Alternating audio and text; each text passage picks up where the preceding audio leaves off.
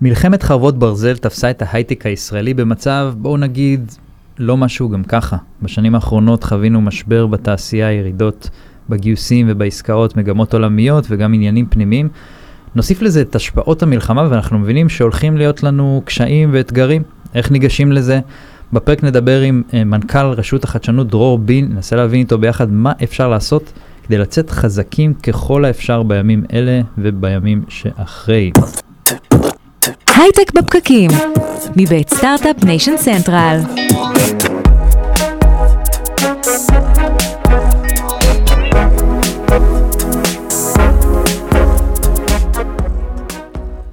הייטק בפקקים מבית Start-Up Nation Central, אנחנו שוב איתכם, מדברים על יזמות, סטארט-אפים, טכנולוגיה והעתיד. אני הדר חי ואיתי באולפן נירית כהן, אהלן נירית. היי הדר. ניר, אני נזהר עם השאלה הזאת, אבל שמעתי שיש לך תשובה טובה לשאלה מה שלומך. כן, זה לא שלי, אבל מצאתי אותה באיזשהו מקום, אה, הבסדר החדש. נו, ומה זה הבסדר החדש? זה, אתה יודע, החיים ממשיכים. בדיוק הייתה לנו תוכנית על, אה, על היזמים בישראל, שיהיה בסדר, זה המנוע שלהם. אז אה, אנחנו עושים מה שצריך. ו... אז, אז רק שאני אבין, הת- התשובה היא, אנחנו עושים מה שצריך ויהיה בסדר. כן. אוקיי. טוב, אני אחשוב על זה בתור תשובה. יפה. נמצא איזה איתנו... ברירה יש לנו בינינו, הדר? לא, לגמרי. זה, אין, אין ברירה, אז צריך למצוא את, ה, את נקודות האור. נדבר על נקודות האור היום. מעולה. נמצא איתנו כאן דרור בין, מנכ"ל רשות החדשנות. אהלן דרור. אהלן אדר, היי נירית. היי. המלחמה תפסה את ההייטק במצב לא מזהיר. מה, מה אנחנו עושים עם זה? אני דווקא אתחבר למה שנירית אמרה, יהיה בסדר. אה, אני חושב שיהיה בסדר הוא מאפיין מאוד חזק של הישראליות, לטובה ולרעה דרך אגב. היהיה בסדר לפעמים מכסה על זה שאף אחד לא מתכנן קדימה. לפעמים עושים פאשלות גם בגלל בדיוק, בסדר. נכון, אבל מצד שני, היהיה בסדר, הוא גם מבטא איזושהי אופטימיות ותכונה של אה, כן התמודדות עם האתגרים ועשייה, גם בזמנים מאוד קשים, ואני חושב שיהיה בסדר. ומה אנחנו עושים? ב- בעצם אנחנו אומרים יהיה בסדר, אבל אנחנו לא רק נשארים פסיביים מה יהיה בסדר, אנחנו גם עושים. אמ, ואחד הדברים שעכשיו יש לנו הרבה אתגרים בהייטק, גם לפני המלחמה היו, בטח עכשיו, מה אנחנו עושים, מה אתם עושים? הרשות לחדשנות באופן ספציפי. כן. כן. אני אדבר גם בכללי, ואחרי זה נדבר באמת על המהלכים של אה, רשות החדשנות. אה, אנחנו בסוג של אה, סערה מושלמת. יש משבר השקעות גלובלי, ירידה בהשקעות הון סיכון בכל העולם, שכמובן משפיע קשות גם על ישראל. היה לנו אי יציבות פוליטית מאז תחילת השנה, שכמו שאנחנו יודעים, משקיעים, בטח משקיעים זרים, לא אוהבים אי יציבות, וכשיש אי יציבות הם מעדיפים לחכות ולראות מה יהיה. ו-on top of that, יש לנו עכשיו גם uh, מלחמה שנכפתה עליה, עלינו, מלחמה אכזרית, קשה. Uh, כל הדברים האלה שמים אותנו במצב שבהחלט uh, מאתגר. Uh, ואנחנו uh, צריכים להתמודד כדי שיהיה בסדר. Uh, עכשיו, אפשר אולי לחלק את החשיבה על ההייטק uh, לשתי חזיתות שונות. אחד זה איך דואגים שבזמן המלחמה uh, ההייטק ימשיך לעבוד. ותכף אפשר להרחיב על זה, והחזית השנייה זה איך לדאוג שאחרי המלחמה ההייטק יהיה חזק יותר. יש לנו כבר ניסיון של, אה, יש הייטק בישראל כבר 50 שנה, אבל בוא נאמר שהוא הפך להיות אה, מאוד מרכזי לכלכלה ב-30 שנה האחרונות. יש לנו ניסיון שבכל המשברים הקודמים, ולא משנה אם זה היה משברים כלכליים גלובליים, או משברים גיאופוליטיים גלובליים, או מלחמות בישראל, או משבר הקורונה, תמיד המכנה המשותף היה שההייטק הישראלי יצא חזק יותר. מחוזקים, כן. אה, וכמובן להישען על העבר זה לא תוכנית פעולה, צריך לדאוג שזה גם יקרה הפעם. אה, אני מאמין שזה יקרה, אה, בגלל שהפונדמנטל של ההייטק הישראלי נותרו חזקים, היזמים המדהימים שיש פה, החוקרים, המשקיעים המתוחכמים, כל קהילת החדשנות שלנו, הדברים האלה לא השתנו למרות כל הדברים שמניתי קודם, ולכן אני חושב שגם הפעם אנחנו נצא חזקים יותר. אבל אני חושב שאנחנו גם צריכים להיות uh, אקטיביים ולדאוג לזה שנצא חזקים יותר, וגם על זה נוכל להרחיב בהמשך. אני, אני חושבת, אה, אני מפרידה רגע שנייה אחת בין מה שאנחנו, אנחנו כישראלים וכיזמים, המנועים שמניעים אותנו וכולי, לבין הדבר הזה שמרגיש אה, שונה, אני לא זוכרת שהרגשתי אי פעם אה, כל כך לא אהודה בעולם. אמ, העולם שאני מרגישה שאני משתייכת אליו, זאת אומרת, לצורך העניין הקליפורניה והניו יורק וה... כאילו- הרווארד. כן, זאת אומרת, וה, ואני מחברת את זה ל... אני חושבת שהיה לנו פרק על הכסף הקטרי ו, ואיך הוא בעצם עיצב כל מיני דברים, ואחד הדברים שהוא הוא עושה זה מעצב אולי השקעות ומעצב סנטימנט, אפרופו אוניברסיטאות. מהמקום הזה יהיה בסדר? אה, קודם כל, אני חושב שכולנו כישראלים אה, מרגישים רע כשאנחנו רואים את הדברים האלה, נכון? אה, מאוד. מספיק היה לראות את השימוע של הנשיאות של האוניברסיטאות בארצות הברית, ולהבין כן. כמה... כמה המצב בעייתי. כמה יש משבר מוסרי, כמה איבדו את היכולת לעשות הבחנות מוסריות בשם כל מיני אידיאולוגיות וזכויות וכולי. אבל אה, אני רוצה כן לעשות הבחנה בין אה, העולם האקדמי נקרא לו, אה, לבין עולם הטכנולוגיה. אה, אני מרגיש שדווקא עולם הטכנולוגיה הגלובלי ברובו עומד לצידנו. אני לא רואה שם סחף כמו שראינו באקדמיה. אבל אתה יכול- רואה, אתה רואה את ההפרדה הזאת, או בסוף, אתה יודע, הרבה מבוגרי האוניברסיטאות. הולכים ל... ואם הם לעולם לא הטכנולוגי. מנהלים את העולם הטכנולוגי היום, הם ינהלו את העולם הטכנולוגי בעוד עשר שנים. אז רגע, אני חושב שיש מאבק, אני לא חושב שהמאבק הזה הוכרע. אני חושב שאנחנו שומעים קולות משני הסוגים. אה, וקודם כל, בקהילת הטק הגלובלית היום, יש מעשים. אנחנו רואים אה, מכתב של מעל 800 אה, VCs שחותמים על מכתב שמגנה את חמאס ואומר שתומכים בישראל וימשיכו להשקיע בחברות ישראליות. אנחנו רואים אה, מאות אה, מנכ"לים של מולטי נשיונל, שכנ"ל, מגנים את חמאס ואומרים שהם ימשיכו לפעול אה, ולעבוד עם ישראל. אז אה, אנחנו שומעים קול, קולות אחרים בקהילת הטק הגלובלית, אה, ואני יכול להגיד לכם יותר מזה, אני דיברתי, אני חושב שמאז פרוץ המלחמה עם אה, מאות אנשים אה, בחו"ל, אם זה מנהלי קרנות גדול, גדולים, גדולות, סליחה, ואם זה מנהלי חברות גדולות, ובגדול כולם משמיעים את אותו מסר. כולם מבינים שהיה פה מעשה של אה, מתקפה ברברית, אה, ושיש פה מתקפה בעצם נגד ערכי המערב, לא רק נגד ישראל. וכולם אומרים שהם ימשיכו uh, לעבוד עם ישראל בצד הטכנולוגי. עכשיו, זה נכון גם מה שאמרת, נירית, בסוף האוניברסיטאות מחנכות, מחנכות את הדור שעוד uh, 5, 10, 20 שנה יוביל את הטק, ולכן אני חושב שאנחנו חייבים להיאבק. אנחנו, אסור לנו להניח uh, לדברים האלה לקרות. וגם כאן, אגב, ראינו פעולות, ראינו uh, מנהלים של קרנות uh, השקעה ששלחו מכתבים לאוניברסיטאות, אמרו שהם לא יעסיקו אנשים שמתבטאים בצורה כזאת. ראינו פעולות, ואני חושב שהמאבק הזה הוא לא מאבק רק שלנו, הוא מאבק של האנשים שרוצים uh, לשמור על ערכי המערב, רוצים להישאר שפויים. ואני מקווה שנעשה ונצליח. איפה אתה רואה את הבעיות הכי דחופות שלנו עכשיו? אה, דיברנו אה, על סנטימנט, על סנטימנט אה, ב- במערב, איזה, איזה דברים בעיניך הכי דחופים? בעיניי הדבר הכי חשוב זה להעביר את המסר לעולם שההייטק הישראלי ממשיך לעבוד ולדלבר בזמן המלחמה, מזה נולד גם הסלוגן Israeli Tech Delivers, no matter what.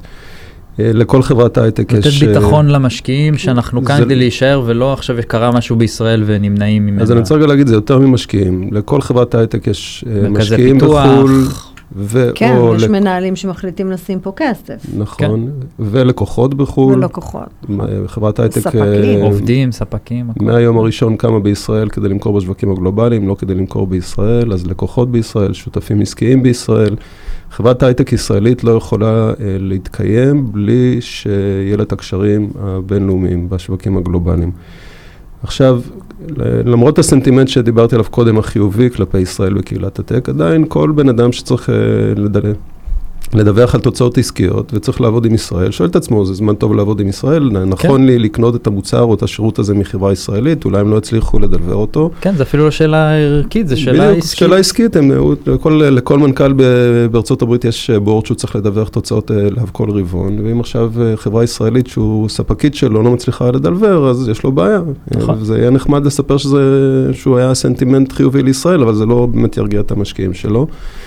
אז לכן אני חושב שהנושא הזה של המשכיות עסקית, אה, דיברתי רגע על החזית של ההמשכיות העסקית בזמן המלחמה, זה הדבר הכי חשוב כרגע שיש לנו אה, לעשות אה, מבחינת ההייטק. ואגב, כולם מבינים את זה, המשקיעים, המנכ"לים, היזמים, כולם עסוקים. גם העובדים. גם העובדים, אני חושב שכולם מתגייסים, אני רואה פעילות נורא יצירתית של למצוא פתרונות. איך אתה מחלק את העבודה, אם יש לך אנשים שהתגייסו, איך אתה, ש- חברות שמעבירות עבודה לחו"ל, לוקחות קב"מים בארץ, אה, חברות שנאלצו להתפנות ואין להם משרדים ואין להם מעבדות ואין להם אתרי פיילוט. אה, בצפון, בדרום, הם פשוט מוצאים פתרונות, וזה מדהים לראות, זה חלק מה... יהיה בסדר שדיברנו עליו קודם. אנשים ישראלים יודעים למצוא פתרונות, הם מאוד יצירתיים, מאוד זריזים, והדברים עובדים.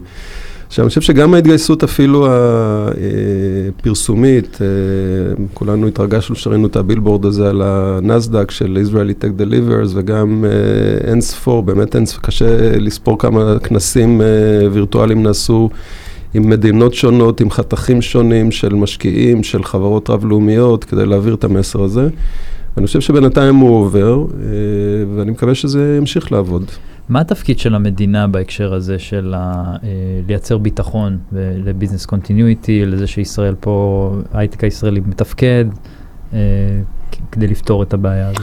אז תראה, אז אני חושב שיש לנו פה כמה תפקידים. א', להעביר את המסר הזה, וגם עם מידע תומך. למשל, יש לנו מצגות שמראות איך בכל המשברים הקודמים ההייטק הישראלי יצא חזק, זה מסר שהוא מרגיע.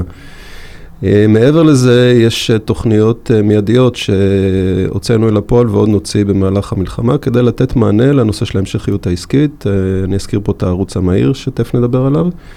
וגם במהלך המלחמה כבר להודיע על תוכניות ממשלתיות לאחרי המלחמה, שמטרתן לחזק את ההייטק, כדי להעביר כבר היום את הסיגנל הזה לקהילה הבינלאומית. שממשלת ישראל מבינה את החשיבות של ההייטק לכלכלה הישראלית ונחושה לעשות כל מה שצריך כדי להבטיח את זה שאנחנו נצא חזקים יותר מהמלחמה הזאת. זה אגב, אני חושבת על זה, דיברנו ככה בפרספקטיבה היסטורית, כאילו, אני אגיד את זה עוד פעם, מתנצלת מראש, אבל אני זוכרת לפני 30 שנה, שהיה תפקיד מאוד משמעותי, זה לא קראו לזה הרשות החדשנות, נכון, קראו לזה המדען הראשי, אבל נכון. להסיר חסמים ולייצר את הצמיחה ואת הפריחה, כי הייטק, כאילו, 50 שנה בסדר, אבל תכלס הייטק מחוץ לתעשיות ביטחוניות הוא באמת פחות או יותר 30 שנה, ראינו הרבה מאוד... תהליכים בחסות המדינה שאפשרו את זה.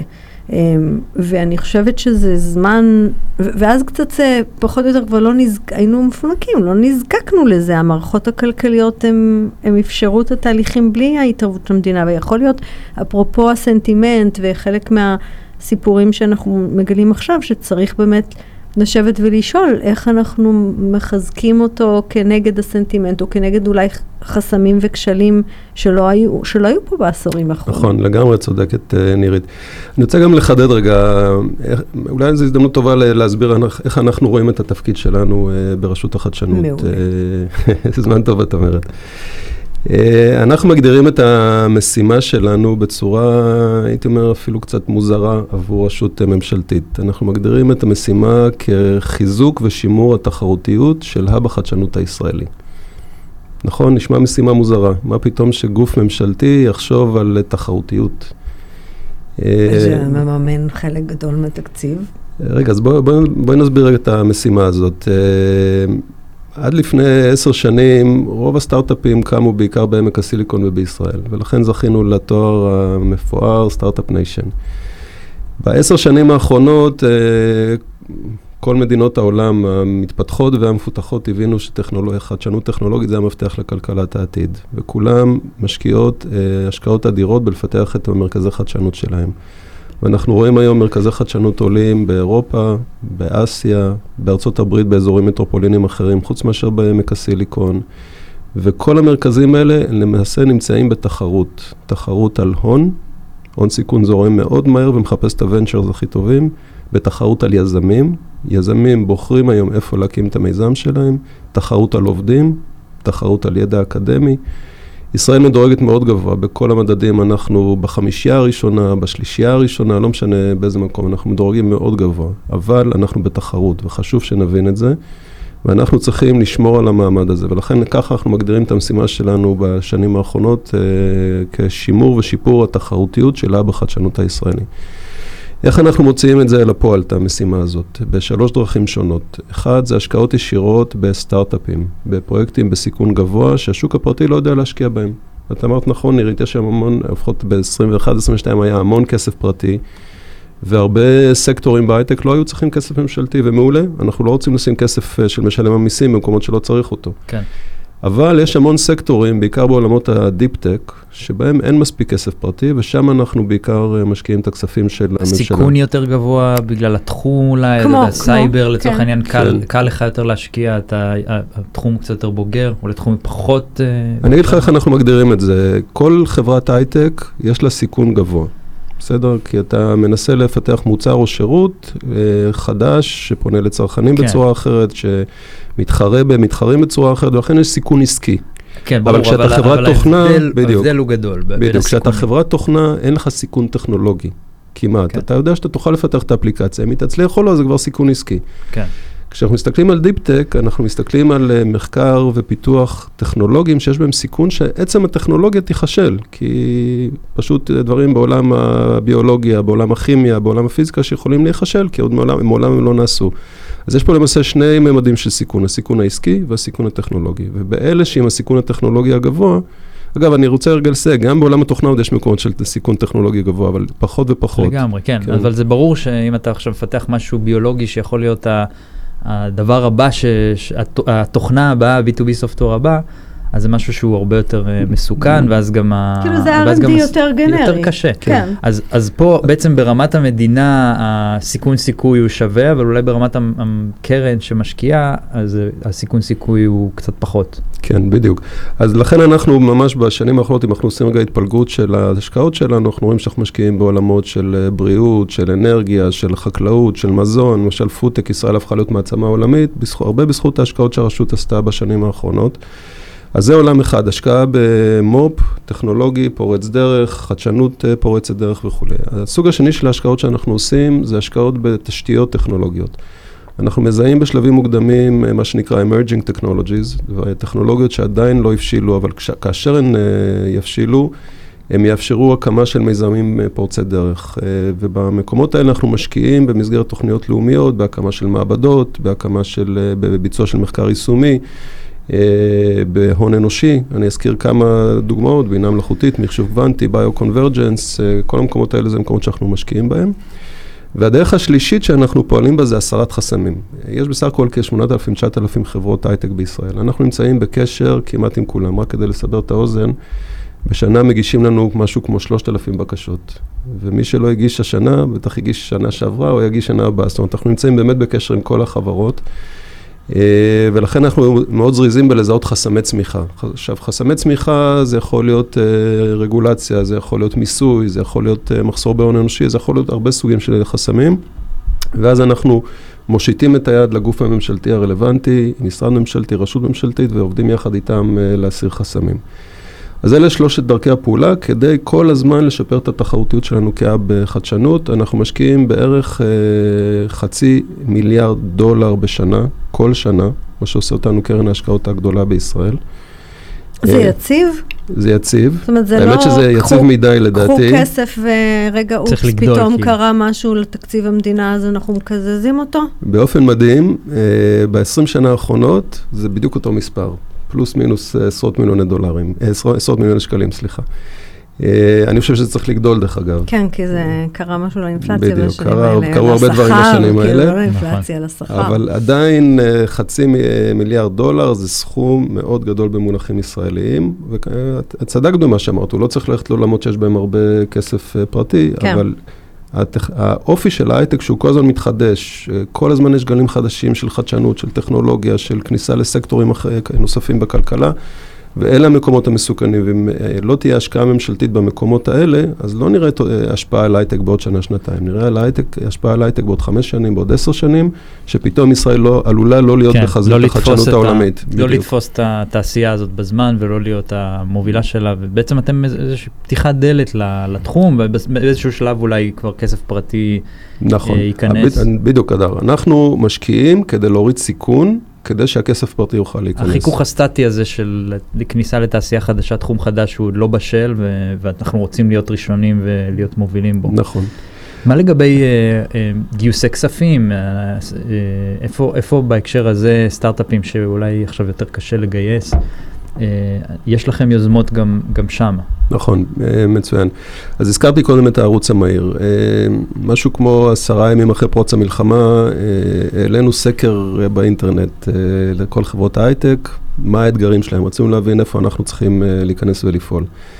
העלינו אותו ביום שני אחר הצהריים, עד שלישי בבוקר היה להם כבר אלף מענים. זאת אומרת, זה כבר מראה כמה... יש, שיש משהו. כמה אנשים כאילו חיכו רק להגיד מה, מה כואב להם, ועלו שם הרבה אתגרים. אבל מעל הכל, ואגב, לא רק מהסקר הזה, גם המון שיחות עומק עם יזמים ומשקיעים, מה שעלה מעל הכל זה קושי של מימון. הזכרנו את המשבר הגלובלי בהשקעות, הזכרנו את היציבות הפוליטית, הזכרנו את המלחמה, הרבה מאות חברות בשלבי ה-early stage, שעדיין אין להן, אין להן הכנסות, נתקעו בלי כסף. early stage, כלומר seed, pre-seed. לא יודע אם הייתי הולך ממש ל-pre-seed, אנחנו מחפשים יותר את החברות שכבר הם, יש להן נכסים, נכסים mm-hmm. טכנולוגיים, נכסים עסקיים. בסוף, מה זה Start-Up Nation? Start-Up Nation, הנכס הכי גדול של Start-Up Nation זה הסטארט-אפס, mm-hmm. נכון? נכון. אז יש פה מאות סטארט-אפים בשלבי ה-early stage שכבר יש להם uh, תוכנית פיתוח, יש להם uh, מוצרים ראשוניים, יש להם כבר uh, הסכמים. כלומר, כלומר, אני מתכוון פריסיד, אני מתכוון גייסו כבר פריסיד סיד, כן, עכשיו הם לפני נכון, ה-A, זה הכוונה נכון, שלי. בדיוק, זאת אומרת, בדיוק, בין, הגדרה בין ה-seed ל-A. בדיוק, הגדרה טובה, כן. או אפילו לתוך ה-A, כי בדרך כן. כלל גיוס A מביא אותך לשלב שאתה כבר יכול להתחיל את המכירות, אז אפילו בתוך שלב ה-A. אז מאות חברות הרימו את הדגל שהם היו במהלך של סבב גיוס ובגלל המלחמה משהו נתקע. או שזה היה משקיע זר שאמר להם, אתם נורא נחמדים, אבל בואו נחכה. בוא נראה רגע מה כן, קורה, זה מה כמה. חודשים שנשרף כסף בזמן הזה, זה לא... או אפילו יזמים שנקראו לצו 8, או כל מיני, או מנהלים שפשוט עסוקים בלנהל את החברה ואין להם עכשיו זמן לג... לגייס כסף. אה, ואני חושב שכאן אה, המדינה חייבת אה, להיכנס, והיא אכן נכנסה כדי להגן על הנכס הזה. הנכס הזה של מאות הסטארט-אפים שהם חברות הצמיחה של העתיד, הם האקזיטים של העתיד. אם לא נדע להגן עליהם, הם לא יהיו. כן, זה יכול להיות חברות מאוד טובות שהיו יכולות בסיטואציה אחרת לגייס כסף, לגדול ולהפוך לחברות ציבוריות, ובסוף בגלל הסיפור הזה, אתה שומע על מקרים כאלה, אתה יודע, אני, אני שמעתי על סיפורים של חברות שבאמת הצליחו, אבל היו ככה מלמות ולסגור נכון. את החברה, ואתה שומע סיפורים כאלה של, אה, המשבר הסאב פריים היה לנו, וגייסנו חודש בדיוק לפני שזה, והיינו מתים אם לא. בדיוק כך. וה, והסיפור הזה הוא כאילו אם אתה מציל את החברות יכול להיות שהם יגיעו עד הסוף, עד, עד קו הסיום, ורק המטרה עכשיו היא להזריק להם את, ה, את הקצת דחיפה הזאת למעלה של הכמה חודשים או מה, ולהביא אותם לניצחון. נכון, אבל זה, זה, זה קצת tricky, אני רוצה רגע להגיד. אה, אנחנו בגדול העמדנו לטובת הערוץ המהיר הזה, אגב הוא נקרא מהיר כי הוא נותן תשובה מאוד מהירה, תוך ארבעה שבועות מהגשה החברה מקבלת תשובה אם היא, אם היא קיבלה את המימון או לא קיבלה את המימון מאיתנו. אה, העמדנו לרשות הערוץ המהיר 400 מיליון שקל, שזה סכום גדול, אבל הוא לא יכול אה, ולא צריך גם אגב לעזור לכל החברות בשלב הזה. כי, וכאן זה מתחיל להיות uh, tricky. בעצם איך מכוונים את הכסף, עוד פעם, הכסף הממשלתי שכולנו משלמים את אותו. אותו כאזרחים. מה הקריטריונים של הערוץ הזה? אז זהו, אז אנחנו מחפשים חברות שהן מצד אחד לא מוקדמות מדי, כלומר, לא יזם או יזמת עם רעיון שעוד אין להם שום נכס, אנחנו רוצים חברה עם נכסים. כן. מצד שני, גם לא חברות מאוחרות מדי, חברה שכבר נמצאת עמוק בשלב המכירות, פרופיל הסיכון שלה עבור משקיעים הוא נמוך בהרבה, כי כבר יש לה מוצר, יש לה מודל עסקי וכולי, אז היא יכולה להסתדר. אז זה שני סוגים של חברות שאנחנו לא רוצים להשקיע בהם. כן. יש עוד כמה סוגים שאנחנו לא רוצים להשקיע בהם. אחד זה חברות שעם כל הכאב לא צריכות אה, לשרוד. אה, היה פה המון כסף בשנת 21-22, הרבה חברות גייסו. אה, בדרך כלל גיוס אה, מספיק לשנה וחצי, שנתיים, כלומר, אה, ומטבע הדברים בעולם ההייטק יש משפך, לא, חברות נסגרות לכל השלבים, ובסוף מי שמצליח זה מעטים. כן, כי אם אתם תיתנו להם מימון לחברות כאלה, אז בסוף הם, בסוף הם ייסגרו בדיוק. ואנחנו לא רוצים, ואני אגיד את זה רגע אולי בצורה בוטה, אנחנו לא רוצים להנשים חברות שלא צריכות כן. לשרוד. אז אנחנו צריכים לוודא שבאמת יש פה חברה טובה, עם נכסים טכנולוגיים טובים, עם נכסים עסקיים טובים, שפשוט צוות- הברידג' הזה יעזור להם לה- לצלוח את אני המשהו. חושבת שאני נתקעתי, אבל לא- הלוגיקה הזאת ברורה, אני נתקעתי על ה... את- כאילו, אמ, אז אתם הפכתם להיות קרן הון סיכון? אנחנו תמיד היינו קרן הון סיכון, רק שהסיכון שאנחנו לוקחים הוא אחר מאשר קרנות הון כן. הסיכון כן. של הסקטור ההסתכלות היא הפרטי. קצת אחרת. הפרופיל השקעה שלנו שונה. זה, זה מעניין נכון. אתכם דרך אגב, אה, סליחה שאני כן, ככה, זה, זה מעניין אתכם דרך אגב הזמן שנשאר לחברה, או, או כאילו הכסף שנשאר לה, או זה? כן. הערוץ המהיר פתוח אך ורק לחברות שיש להם אה, runway, אופק שרידות של פחות משישה חודשים. מהמם. ואנחנו רוצים להאריך להם את הרנווה כדי שיוכלו לצלוח את תקופת המלחמה ולצאת לגיוס בצורה כן. רגועה. כי אני חושבת שאני אנסח מחדש את השאלה שלי, כי זה בעצם אולי מה שקפץ לי פתאום. אתם הייתם קרן הון סיכון תמיד, מקודם דיברנו על זה שהייתם קרן הון סיכון שעושה דברים שקרנות הון סיכון רגילות לא יעשו, עם אינטרסים מסוג אחר. נכון, בדיוק. פתאום אתה אומר, אני הולך לעזור לחברות לצלוח את המלחמה, הן לא בהכרח חברות שנמצאות בטריטוריה הזאת שאתה רגיל להסתכל עליה, זה יכול להיות חברה שבמצב נורמלי אתה לא היית מסתכל עליה, פתאום נכון. אתה צריך להרים, אני חושבת על זה יותר במונחים של המיומנות של התהליך של האנשים, של מי ששואל את השאלה, האם החברה הזאת צריכה לשרוד או לא, האם הם, הם יודעים לשאול כן, את זו השאלות. הסתכלות אחרת ממה כן. שאמרנו על ה deep-tech וכולי, בדיוק, יותר הם חברה בדרך שהיא כלל טובה. לא מתעסקים יכול- בסייבר, כן, אוקיי, או נכון. ב... נכון. אבל אנחנו כן מתעסקים בסייבר, אה, אני אפתיע אותך. כן, סייבר זו דוגמה כנראה לא טובה מסיבות זה אחרות. לנו, אה, הרבה דברים, כן. יש לנו אה, צוות של אה, 200 אה, בודקים טכנולוגיים שבאים מכל עולמות הטכנולוגיה, לרבות כל עולמות אה, התוכנה, ואנחנו יודעים לעשות due diligence גם לחברות תוכנה. אבל זה בכל זאת שאלה מצוינת, כי אחד הקריטריונים שלנו בערוץ המהיר, זה שאם אנחנו רואים שלחברה, ונניח אפילו חברת סייבר, אנחנו מסתכלים על ה-cap table שלנו, אנחנו מסתכלים מי המשקיעים והקרנות שהשקיעו בה. ואם זה משקיעים וקרנות שאנחנו יודעים שיש להם כסף, והם מחליטים לא להשקיע בחברה, זה מבחינתנו איתות שהחברה נכון. הזאת לא צריכה לשרוד. אה, ולכן אנחנו, אה, בניגוד גם ל- למסלולים הרגילים שלנו, אנחנו בודקים בתהליך הזה גם את המשקיעים, לא רק את החברות, כדי לוודא שגם הצד השני, הסקטור הפרטי, אה, מוכן לשים את הכסף. זאת אומרת, זה בעצם חוזר למקורות ואומר רק שנייה אחת, אם הסקטור הפרטי לא שם כסף, אני צריך להבין למה. נכון, כאילו, אם כן. יכול להיות שזה באמת, דיברנו מקודם. כי על- פה, הס- כי פה הסקטור הפרטי כן מעניין, כי בסוף אנחנו רוצים לעזור לחברה כדי בסוף, נכון, אבל, אבל כן שהמשקיעים הפרטיים יש... כן ישקיעו בה עוד כמה יותר חודשים. מזה, אנחנו דורשים בערוץ המהיר מימון משלים. אנחנו רוצים למשוך עוד כסף אה, פנימה. אוקיי, הגיוני. למנף, למנף את הכסף הממשלתי, וככה כן. להאריך את ה runway אה, עוד יותר. זה גם screening טוב בסוף. נכון, מדויק. אבל. אם דיברנו מקודם על תפקיד המדינה, איפה שכסף פרטי לא קיים, אז למשל אמ, גישור סיכונים בגלל מלחמה, או גישור סיכונים בגלל מצב פוליטי לא ברור, זה, חלק מהתפקידים. בהחלט, ולכן נכנסנו, אה, כמו שאמרנו קודם, אה, בשנים האחרונות אנחנו כמעט לא משקיעים בעולמות הסייבר, כי יש שפע של כסף פרטי. בערוץ המהיר אנחנו מוכנים גם להגן על חברת סייבר טובה, אם אנחנו רואים שהמשקיעים שלה לא יכולים אה, להשקיע בה. מעניין מאוד, ונשמע נשמע גם נכון. שאלה נוספת שככה חשבתי עליה, אנחנו אמרנו, אנחנו נמצאים במצב מזעזע, אבל היו דברים שעשו גם אה, אימפקט חיובי?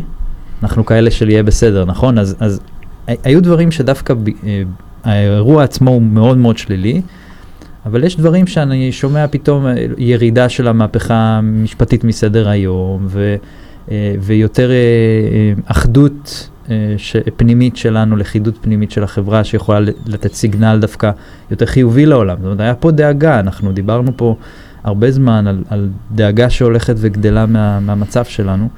האם זה דווקא כן משהו שהוא כאילו, עם כל הדברים השליליים, הוא כן משהו שהוא נותן איזשהו בוסט חיובי?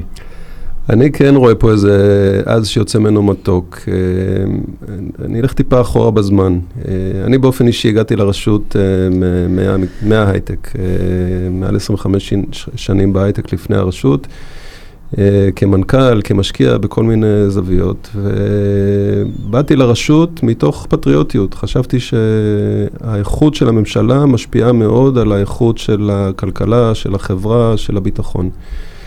אה, ואחד הדברים שהפתיעו אותי כשהגעתי לרשות החדשנות, שכשנפגשתי עם אה, כל מיני יזמים, מנכ"לים, משקיעים, אמרו, "אה, אנחנו לא צריכים את הממשלה, אנחנו אה, הרי פועלים בשווקים הגלובליים, אנחנו רק במקרה פה.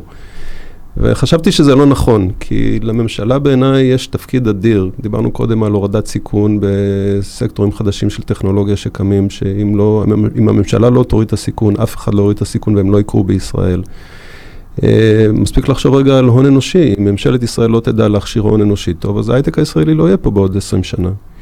אה, מיסוי, עוד פעם, יש, דיברנו קודם על התחרות בין אה, הרבה חדשנות שונים, אם מעטפת המיסוי פה לא תהיה תחרותית, כולם ילכו מפה. אה, בטח המולטינשיונלס, כלומר לממשלה יש המון תפקידים שהם קריטיים להצלחת ההייטק הישראלי. עכשיו, אני חושב שמה שקרה מתחילת השנה, גם המעורבות של ההייטק אה, במאבק הפוליטי, וגם המעורבות של ההייטק וההתגייסות שלו כדי לתת מענה לצרכים בחזית ובעורף אחרי פרוץ המלחמה, אני חושב שזה הפיל המון אסימונים לכולם, שההייטק הוא בהחלט חלק מישראל, והוא חייב להיות חלק מישראל, והוא חייב להיות מעורב וחייב להשפיע, כדי שכולנו, לכולנו יהיה פה יותר טוב. אה, אז בעיניי זה אולי המתוק שיצא מאז, שאני מאמין שבעתיד אני לא אשמע יותר אמירות כמו הייטק לא צריך את הממשלה ואנחנו פועלים רק בשוק הגלובלי. כן, אני חושב שהייתה אה, מדיניות שאולי קצת נלקחה כמובנת מאליה, שהייתה, שהיא מאוד היטיבה עם ההייטק במשך הרבה מאוד שנים. אני חושב שגם דברים אחרונים ש, שנראו פה פתאום ערערו קצת את, ה, את התפיסה הזאת, שאתה יודע, הממשלה התנהלה בצורה מסוימת. אה, וזה המובן מאליו קצת אפילו. אה, ואני חושב שדווקא המצב הזה יצר איזושהי פתאום הבנה שכן, הממשלה היא כן, יש, יש משמעות למעורבות שלנו, יש משמעות לממשלה. אה, אני גם מקווה יותר מזה, אני מקווה שזה תהיה קריאת השכמה להרבה אנשים טובים לבוא לשירות הממשלתי. אז זהו, אני, אני ככה נתקעתי, האמת היא מודה, שאמרת אחרי עשרים ומשהו שנה, נכנסתי למדינה ו, ואני תוהה... אמ, איך זה היה, המעבר הזה? זה לא, זה לא טריוויאלי, יש לא משהו טריוויאלי. אחר בקצב, יש משהו אחר באופן קבלת ההחלטות, לפעמים יש משהו אחר בשיקולים, זאת אומרת, אנחנו מכירים את הפער ואנחנו רואים היום מה קורה למדינה שאין לה שירות ציבורי חזק, ש, שנמדד במדדי מצוינות כמו תעשייה. נכון. אז תראי, אז אה, א', אה, רשות החדשנות היא, היא תאגיד, היא לא ממש משרד ממשלתי, ויש לנו הרבה יותר גמישות, אה, היא הרבה יותר דומה לחברת הייטק מאשר למשרד ממשלתי, וזה מעולה, כי אנחנו יכולים למשוך כוח אנשים מצוינים שלפני או אחרי עובדים בהייטק. אה, ואנחנו גם יכולים לפעול בצורה מאוד מהירה, כמו שגם הוכחנו עכשיו עם הערוץ המהיר. אבל עדיין, היא כמובן גם אה, חלק מהממשלה, ויש המון אינטראקציה עם הממשלה, ובהחלט זה מאתגר, זה קצבים, בדיוק כמו שאת אמרת, זה קצבים אחרים, זה סוג אחר של אה, חשיבה ואינטרסים, ואני חייב להגיד שכמישהו שגדל בהייטק והיה כל כך הרבה שנים בהייטק, היה לי מאוד קשה, אם אני אהיה כן עם השאלה. בסוף אבל אני למדתי משהו אחד, אם אתה מאמין במה שאתה רוצה לעשות ואתה נחוש, אתה יכול להגיע לשם. זאת אומרת, יהיו מאבקים, זה ייקח יותר זמן, אה, זה לא כמו שכשאתה מנכ"ל של חברה גדולה ואתה בבוקר אה, התגלחת וחשבת על איזה רעיון, בצהריים כבר יוצא לדרך, זה בקבועי זמן אחרים, בסדרי גודל אחרים. אבל אם אתה מספיק נחוש ומספיק אה, משוכנע במה שאתה רוצה לעשות, אתה יכול אה, להגיע למטרה. ושוב, ככל שיותר אנשים טובים, ואני חושב שהתנועה הזאת בין אה, ההייטק ובין מגזרים אחרים, אגב, לא רק ההייטק, אנשים טובים שילכו לכמה שנים לממשלה, לשירות הציבורי, ואחרי זה יחזרו בחזרה לתעשייה, אני חושב שגם הממשלה תרוויח וגם התעשייה תרוויח, ובטח ובטח שהאזרחים ירוויחו מזה. יש הרבה אימפקט בשירות הציבורי, אנשים טובים. אה, אגב, יש אנשים טובים בשירות הציבורי, אני לא רוצה שחלילה יישמע כאילו שאין. יש הרבה מאוד אנשים אה, טובים גם היום בשירות הציבורי, וראיתי בתקופה שהייתי הרבה מאוד אנשים שבאים, באמת באים עם חדורי מטרה לעשות טוב אה, למען המדינה, אבל עדיין, אני חושב שיש יותר מדי נתק בין התעשייה לבין הממשלה, וצריך שתהיה זרימה. אז עם הקריאה הזאת אה, נסיים. דור, דרור בין, מנכ"ל רשות החדשנות, תודה רבה שהיית איתנו. תודה רבה, הדר, תודה רבה, נירית. תודה רבה. ותודה לכם, מאזינים, מאזינות ומאזינים שהאזנתם לנו, תודה ל Start-Up Nation Central ולכלכליסט על שיתוף הפעולה. אנחנו מזמינים אתכם לקבוצת הפייסבוק שלנו, הייטק בפקקים. להצטרף לדיונים לפני תוכניות, תודה אה, לינור גריסריו על ההפקה אה, מטעם SNC, אה, לטובה שמאנוב, חברת הצוות שלנו שבמילואים, אורי טולדנו, אורטל כהן. תודה לך, נרית כהן. תודה רבה, אדר. אני אדר חי, אנחנו נתראה בשבוע הבא.